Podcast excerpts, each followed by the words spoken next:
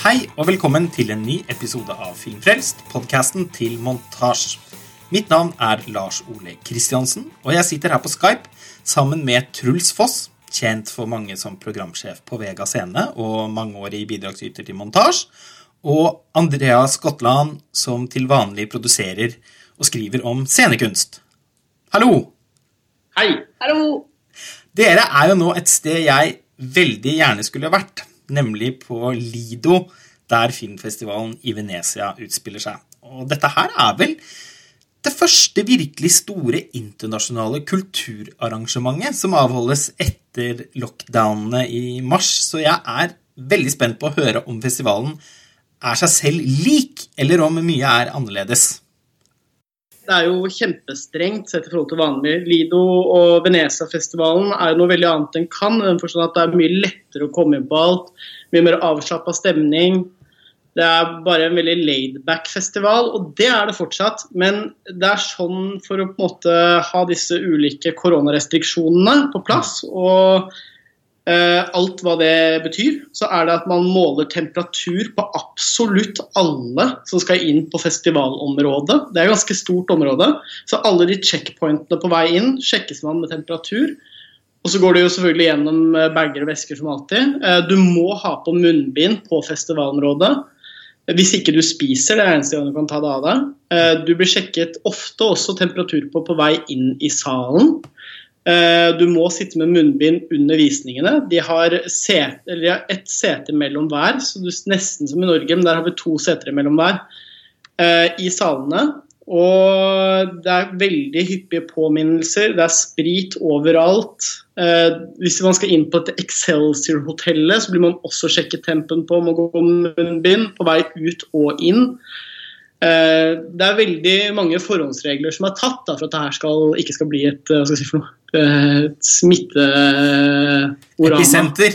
Ja, Episenter. altså Imponerende da, at de er så grundige. Er det like mange folk eh, til stede da, som det pleier å være, med tanke på hvor redusert salkapasiteten og sånn er?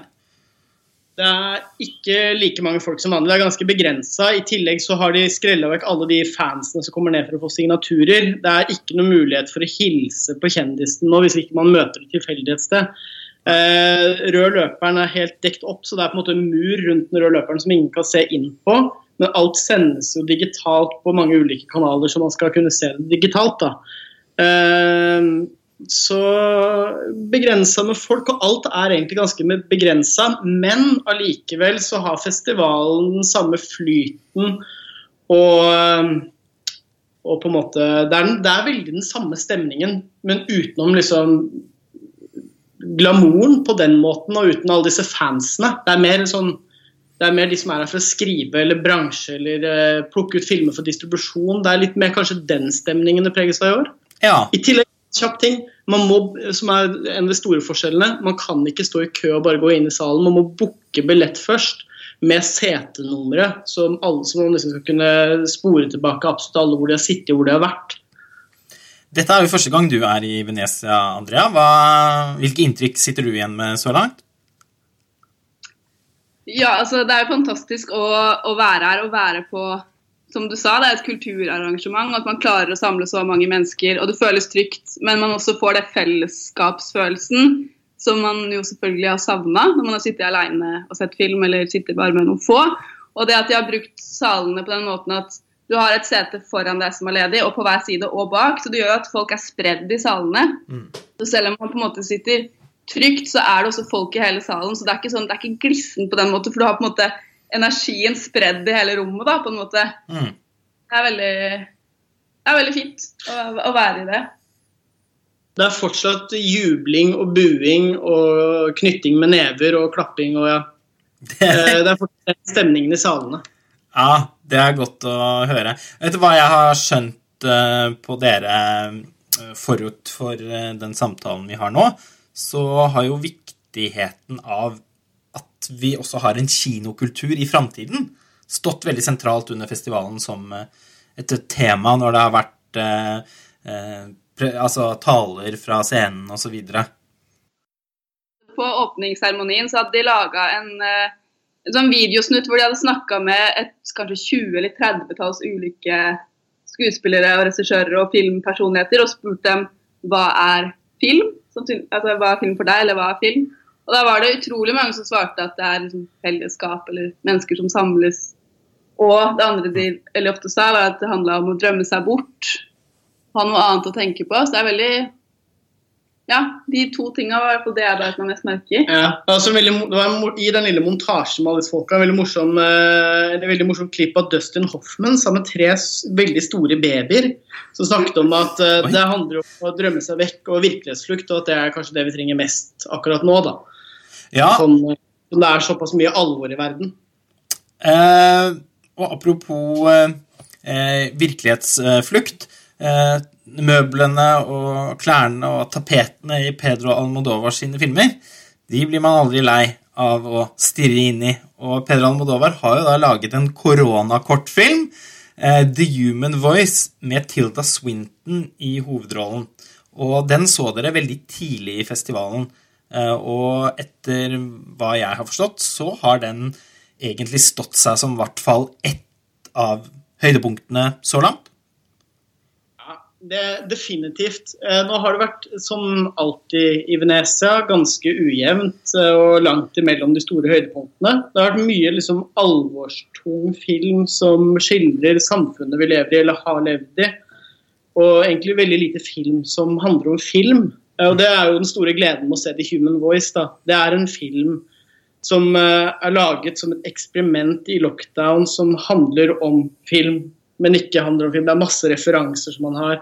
Det refereres eh, konkret i bildet til liksom alt fra Quentin Tarantino til Douglas Sirk. Og i, uh, i, teksten selvfølgelig til Hitchcock, som han jo er megafan av. Mm. Skikkelig sånn hyperestetisert, teatral liten kortfilm basert på basert på et stykke av Cocteau. Og Tilda Swinton, front and center, eh, hun er jo en attraksjon i seg selv. Hun er en av de få skuespillerne eh, jeg er såpass opptatt av at jeg på en måte ser en film bare fordi hun er med. Ja, og dette er jo bare Tilda Swinton. Eh, det handler, en, det handler om ei som sitter i leiligheten sin, og alt er jo foregår i et studio, og sånn tydelig studio, sånn som i fjor når vi og så Lux Aterna til Gaspar Noé, så handler jo den om et filmsett. Og du ser at det er et filmsett, og du beveger seg rundt i filmsettet. Dette er samme greie, bare enda litt mer teatralt. Um, men så er det da Tilde Swinton som er en slags AirPod-samtale. Vi hører aldri den andre personen, bare Tilde Swinton prater med denne, denne elskeren på andre sida som har ditcha henne. Uh, og Det er jo ja, en lang samtale mellom de to, og bl.a. at hun er så forbannet på han at hun uh, hogger et stykke dressen hans med en øks. Oi. Og det, Ja. En snurrig liten stykke, men også veldig klassisk Almodovar. Både i uttrykk, men også denne hva skal jeg si for noe, forbanna kvinner som, som tar litt hevn, på et vis. Hva uh, tenkte du om filmen da, Andrea? Var du like begeistra som Truls? Nei, jeg var jo ikke det, da. Nå hadde Truls sett den først og hypet den jo litt. Eller ganske, kan man si. Ja. Så forventningene mine var jo skyhøye, da. Ja. Og jeg vil vel si at hvis man skal ta forskjellen på ordet teatralt og teatralsk, syns jeg også den bikker over til å bli ganske teatralsk. Og det er kanskje der den faller litt gjennom. Altså, det, blir, det blir liksom veldig syk kvinne som raser, noe jeg syns er litt sånn kjedelig å se på når hun skal rase over en eller annen mann. Ja. Så sånn innholdsmessig eh, handling syns at den egentlig var litt svak, men estetisk forferdelig vakker. Uh, ja. Så den er veldig verdt å se, fordi den er så vakker å se på. Men syns du hun var så syk, altså? Jeg opplevde ikke henne som så syk. Jeg opplevde henne som ganske kontrollert og bevisst. Hun var jo kontrollert selv i sin måte, tanke om et selvmord som hun visste bare var liksom, en iscenesettelse av seg selv. Ja, nei Hun Ja. Jeg syns hun virka ganske gæren, ja.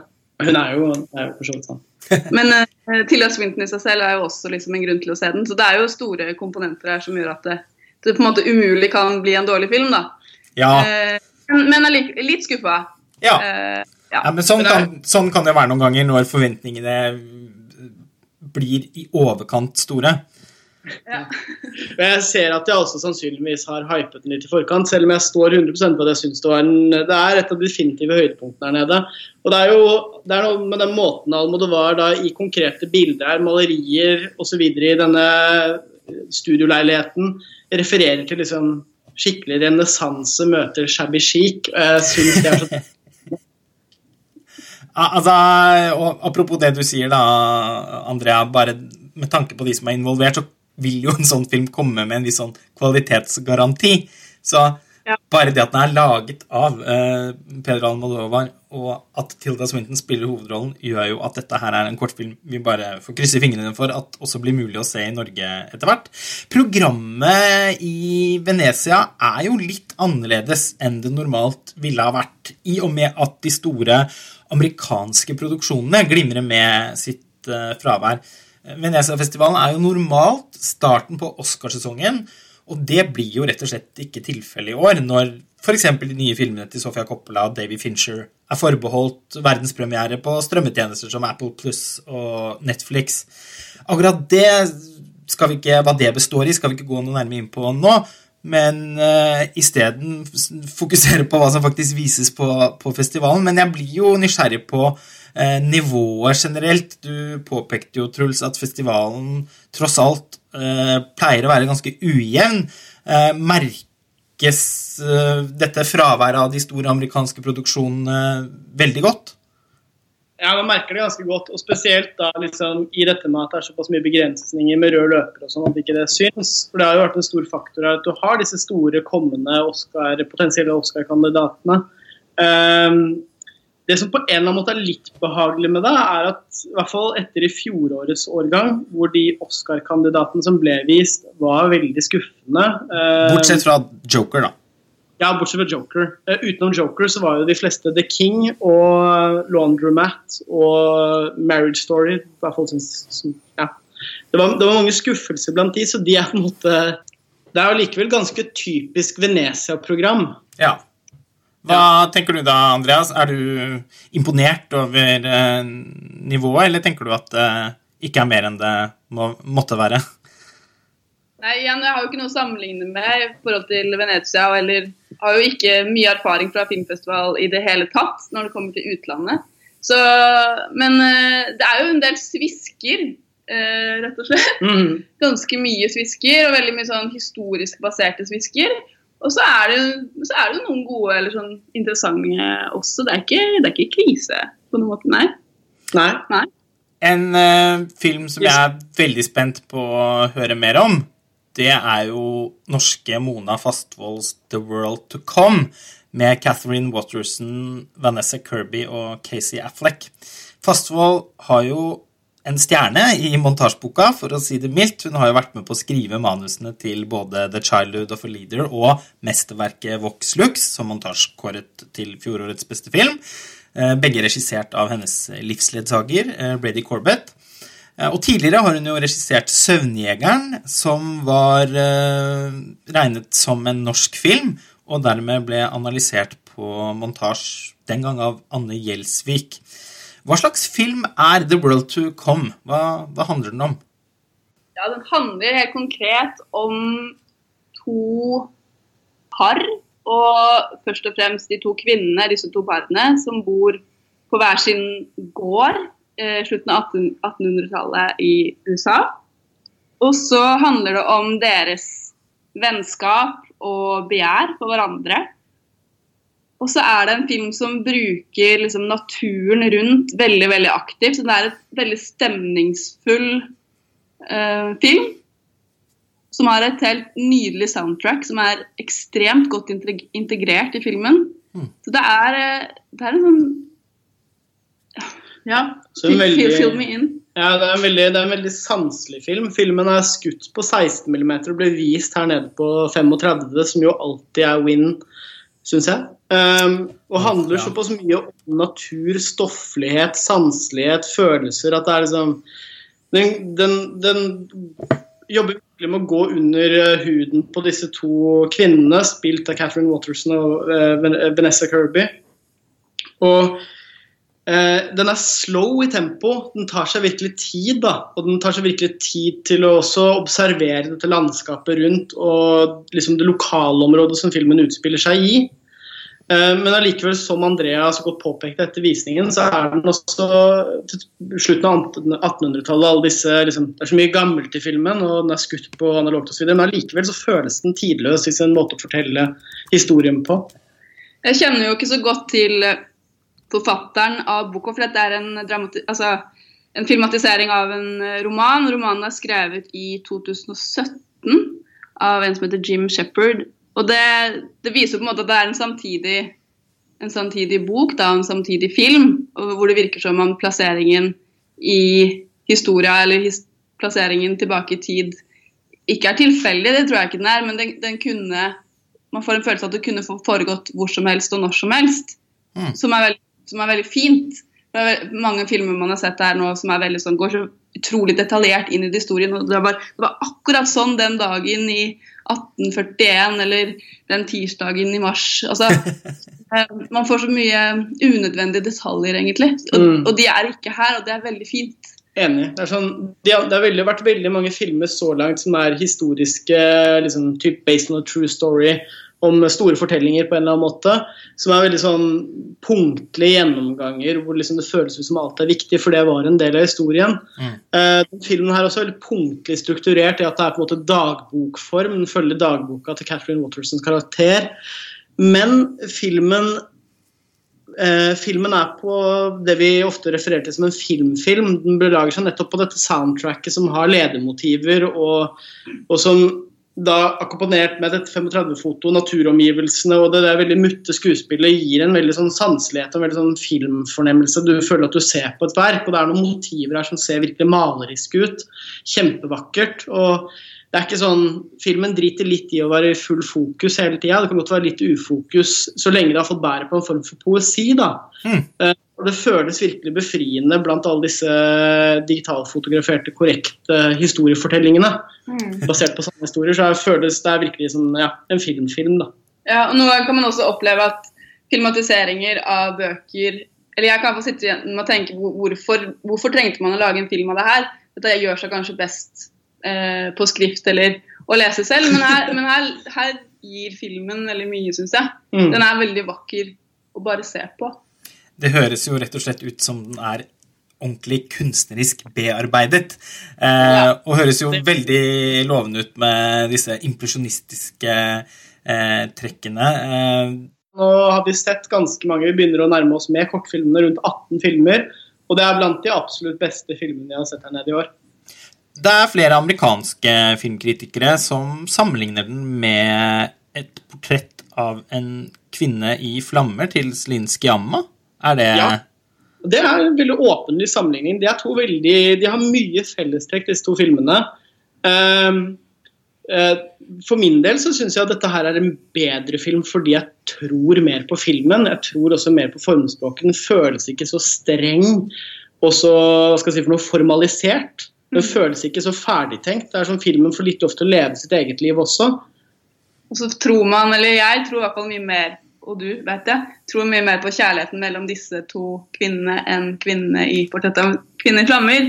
Men det kan også ha med, med smak å gjøre. da, hvordan ja, folk man selv faller for eller blir betatt av. jeg vet ikke. Men også det er mer sanselig. Den filmen fokuserer enda liksom si mindre Eller den fokuserer mer på de ulike gestene de gjør til hverandre.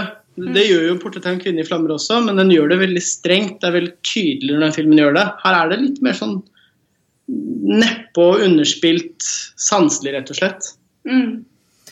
Så er det veldig godt at uh, det er jo to, disse to mennene deres uh, forstår jo åpenbart hva som skjer. Mm. Uh, hvor han ene bærer på veldig mye nag og ondskap, mens han andre er veldig snill. Og det er også sånn godt å se mennesker som er gode med, hverandre, da, selv om det er problemer. Ja, enig. Det er en fin ting. Det som, hvis man skal sette en liten sånn hake eller en ting som, som, blir, som justerer den litt ned for min del, er det kanskje at det blir litt mye luft på stemmen til Catherine Waterson. og litt, den blir kanskje, Det har noen partier hvor den blir litt selvhøytidelig på en måte. Ja, enig. Eh, en eh, annen film jeg har lyst til å høre litt om avslutningsvis, jeg vet at dere straks skal løpe videre til en ny visning, det er Nicole Garcia sin film 'Amance' med Eh, Stacey Martin i hovedrollen. Hun er jo en skuespiller man forbinder med bl.a. Brady Corbett og Mona Fastvolds tidligere filmer. da, Voxlux og The Childhood of a Leader. Nå ble det bare for noen dager siden offentliggjort at hun også skal spille i den nye Corbett-filmen, The Brutalist. Hva slags film er det? Jeg så den forrige filmen til Nicole Garcia i Cannes for noen år siden og var ikke helt overbevist av den. Du har jo stemplet den med en god sjanger, Truls. Det gjorde du veldig fort. Det er jo en slags, slags erotisk gangsterthriller. Ja. Uh, den, er, den, er, faktisk uh, Man kan sammenligne den i stor grad med Isabella Ekløfs 'Holiday'. Oi! Det er jo et uh, kjempekompliment, da. Ja, men det, da må, glemme, må ikke glemme at 'Holiday' er da altså liksom skrevet av en ganske oppegående dansk regissør og manusforfatter. Dette her er litt mer en cheesy franske som, som ikke går inn i dybden på samme måten. Ja. Holiday diskuterer jo liksom mekanismene er brutal. Denne filmen har ikke den brutaliteten ved seg. Um, som gjør at det blir på ingen måte en så sterk film. Jeg syns den er veldig ujevn. På sitt beste så har den noen, så har den noen virkelig sånn digge scener. Det er noe med kjøligheten og thrillerelementene, men det er også litt en sånn rett på DVD-film. ja, men uh, jeg skjønner hva du mener, fordi Holiday er man så på en måte trygg på at regissøren har liksom, hjerte og hue på rett sted, på en måte. Ja. Uh, mens i, i, i, denne Amants eller Lovers så er man ikke helt sikker. Nei. Uh, og da blir det liksom litt cheesy. Og så er skuespillet veldig ujevnt. Utenom Stacey Martin, skal sies. Stacey Martin holder fortet her. Uh, og leverer en veldig solid rolle, men også en veldig, det er tydelig plankekjøring av Stacey Martin. Man er veldig trygg i henne, i hennes rolle i filmen, men allikevel så byr den ikke på noe ekstra. Det gjør den ikke. Hun, uh, hun viser ikke noen flere sider med den, uh, den filmen her.